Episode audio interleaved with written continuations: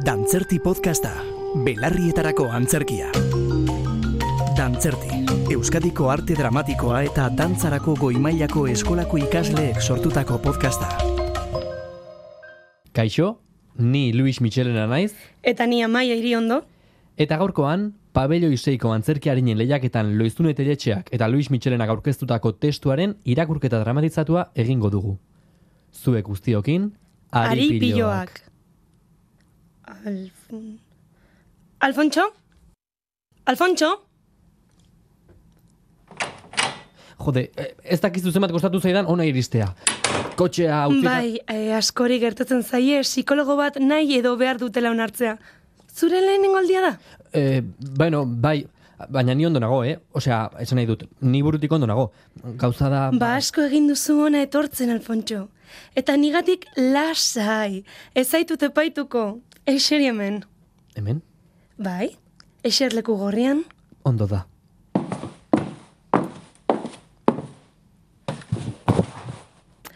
Eta zer modu zaude, Alfontxo? Ondo, Ja. Zer modu zaude? eh, zer moduz nagoen? Ba, esan dizut. Ondo, bai.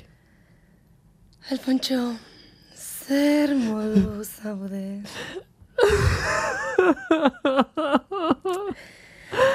Aska ezazu guztia, Alfontxo. Zerk sortzen du ekaitza zure barnean. Ba, begira.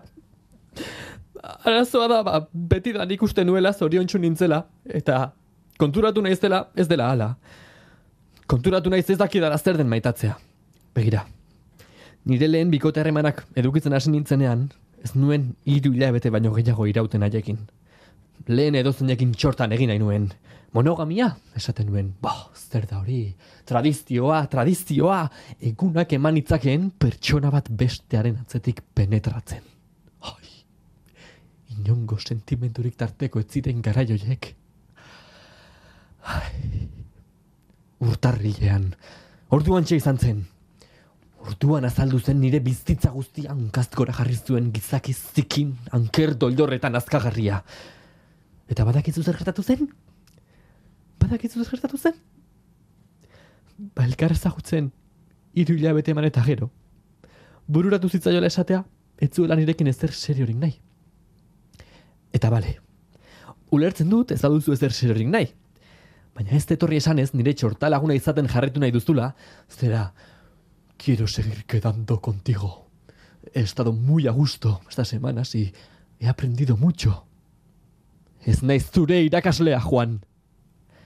Eta bueno, hori pasatzen zait. Egundoko zauri sentimentala sortu zait, eta ez dinduz inondik inora ere aurrekora itzuli. Eta bueno, ai,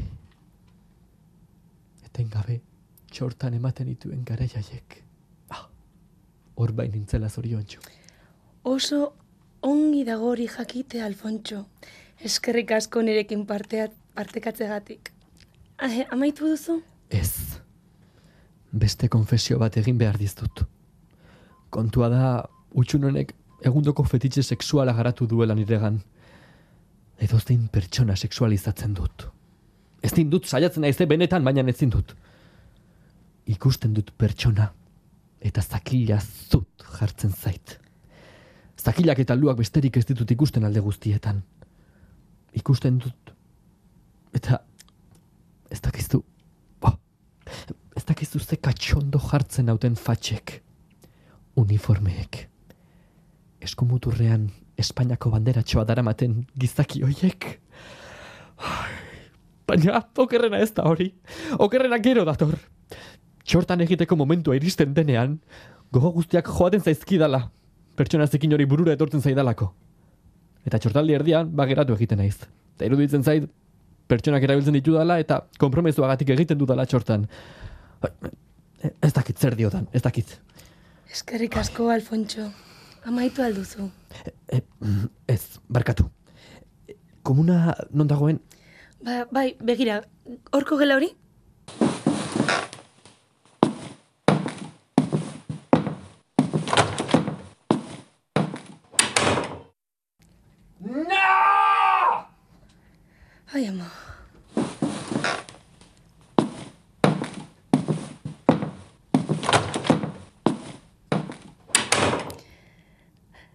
Ondo da, e, orain arte iraunduzun gainontzeko erlazioetan, zergaitik iraunduzu iraunduzun atxortan egin besterik ez bazenuen nahi. Beretan maite zenuen, ala maitatua sentitu nahi zenuen. Zer?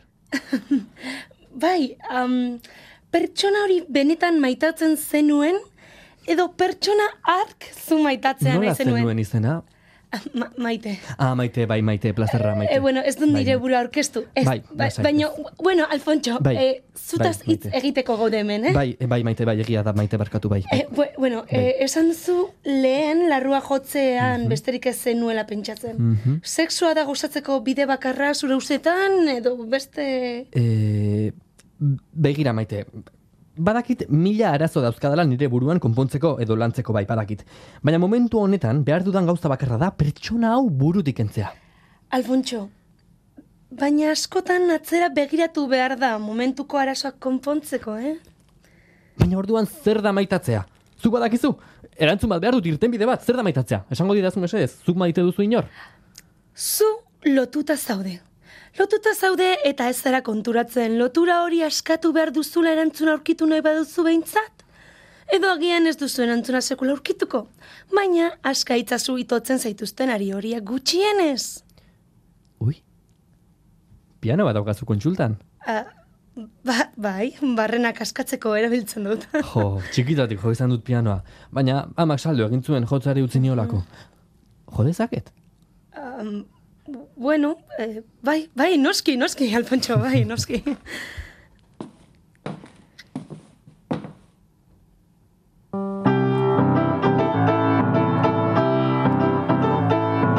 Al Alfontxo, Alfontxo, ohartzen zara nola jotzen duzun pianoa? Nola jotzen dut ba pianoa? Ez duzu musika bizitzen. Nola ez dudala musika bizitzen? Gaur egungo arte eskola gehienek egiten duten akats berdin egiten ari zara. Alderdi teknikoa denek menperatzen dute ongi, baina nik ez dut robotik nahi arte munduan. Bizitza baloratzen dut nik. Mm. Zaila zaitez jotzen ari zinena berriro jotzen.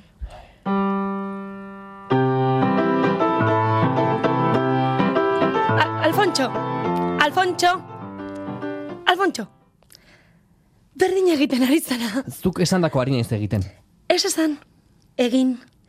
Zu zara zure psikologorik onena. Ongi dago kanpoan egiten duzun aztertzen lagunduko dizun norbait edukitzea, hm? baino lagundu. Zu zara ahalegina egin behar duena.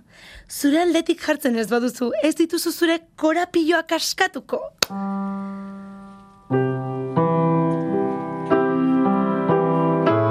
Ezin, ezin dut jo, ezin dut. Asko kostatzen zait, ezin dut jo.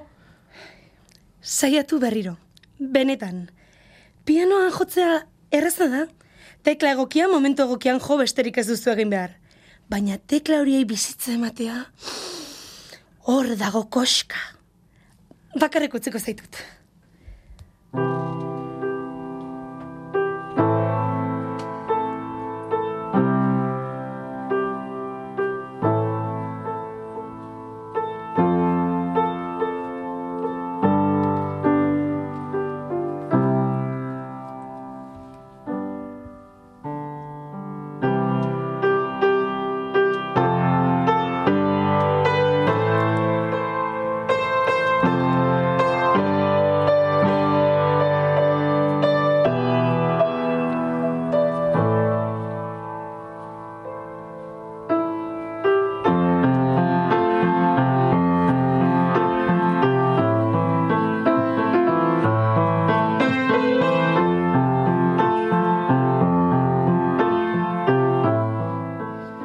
Ez naiz sekula horrela sentitu.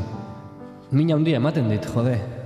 Eta mina handi hori handiago bilakatu dut nik eman behar ez nion pixua emanez. Ez dakit, joder.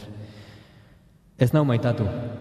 Eta zer sentitzen nuen jakinda, ez da nigandik aldentzeko gai izan. Ez nau maitatu. Baina nik maitatu dut bera. Uste dut obsesionatu egin naizela. Obsesio horretan korapilatu naiz, eta maitasunak ez luke obsesioarekin loturarik eduki beharrez. Botere handia izan du nigan. Bere menpenen goen. Eta orain konturatzen naiz, nik ere baliatu izan dudala botere hori besteengan. Estutu ditut, estutu ditut eta ez naiz haiek askatzeko gai izan. Eta hor utzi ditut. Korapiloa estu barnean. Maite mintzea. Itz bitxia, eh? Beti esaten da minez maitatzea dela, maite mintzea. Ongi dakit zer den mina sentitzea. Baina zer da maitatzea? Maitatzeko ondokoa zaindu behar duzu. Zaindu. Bai, zaindu. Eta zaintzea pertsona hul dagoenean zaintzea da. Baina baita pertsona indartsu dagoenean zaintzea ere. Indartsu dagoela ikusi eta postea. Kontuan hartzea. Niretzat maitatzeko ezinbestekoa da zaintzea. Korapilatu nau, korapilatu naiz eta ez da zaintzarik egon. Korapilatxua da ondokoa zaintzea askotan. Guregan pentsatzeko joera dugu, gu bakarrik izango bagina bezala bizi gara. Inguruan inor edukiko ez bagenu bezala. Gurearekin nahikoa Eta dugu zu? eta... Ni zer. E, zer modu zaude? Nola? Zuk maite duzu inor? Esan nahi dut. Ez da duzu nahi ez erantzun, eh? Baina... Bueno, bai, e- esan dizut lehen, denok maite dugu norbait, azkenean maitentzen dugunean, ez, ba... baina norbaitek maite zaituela uste duzu? Bueno, ah, bizitza osoa daramat jendeari maitasunari buruzko alkuak ematen. Teorian oso ondo ulertzen dut dena, baina dirudianez praktikan nanka sartzen dut. Inguruko denak zaintzen alegintzen naiz. Denak entzuten saiatzen naiz. Baina askotan pentsatzen dut ni ez nahuela inork maite, ez nahuela inork zaintzen. Ideia horretan kateatu eta gelditzak beldur handia ematen dit. Eta horregaitik nahiago izaten dut horretan ez pentsatu. Nire bulerogara etorri, lan egin, etxera joan eta horre lagunero. Bertan kezkatzen nagoen alde batera usten dut beldurragatik. Eta barnean dudan korapiloa askatzeko, alegin egin baino nahiago izaten dut korapiloa izango ez banu bezala jokatu. Agian, badirudi psikologo izan da, ez dudala inongo burua usterik izaten. Ez dudala korapilorik izaten. Hain zuzen ere, horretan laguntzen baitian den bezeroen. Euren korapiloak askatzen. Korapiloak askatzen ematen dut bizitza eta korapiloz bete zait nirea. Nire bulegoa. Batzuetan pentsatzen dut hoben ituzkeela korapiloak guztiz moztu. Lotzen nauten eta ez nauten ari guztiak moztu eta listo. Dena moztu eta akabo. Haririk gabe, korapillorik ez. Barkatu, hau guztia sobran egonda. Baina, aririk gabe, nor zinake? Bueno, Alfontxo, eh, amaitu da sesioa, eh? Hemen utziko dugu gaurkoz. Ondo ba? Bai, Ba, eskatuko dizut itzordua aurrengorako? bale. Ba, urren arte.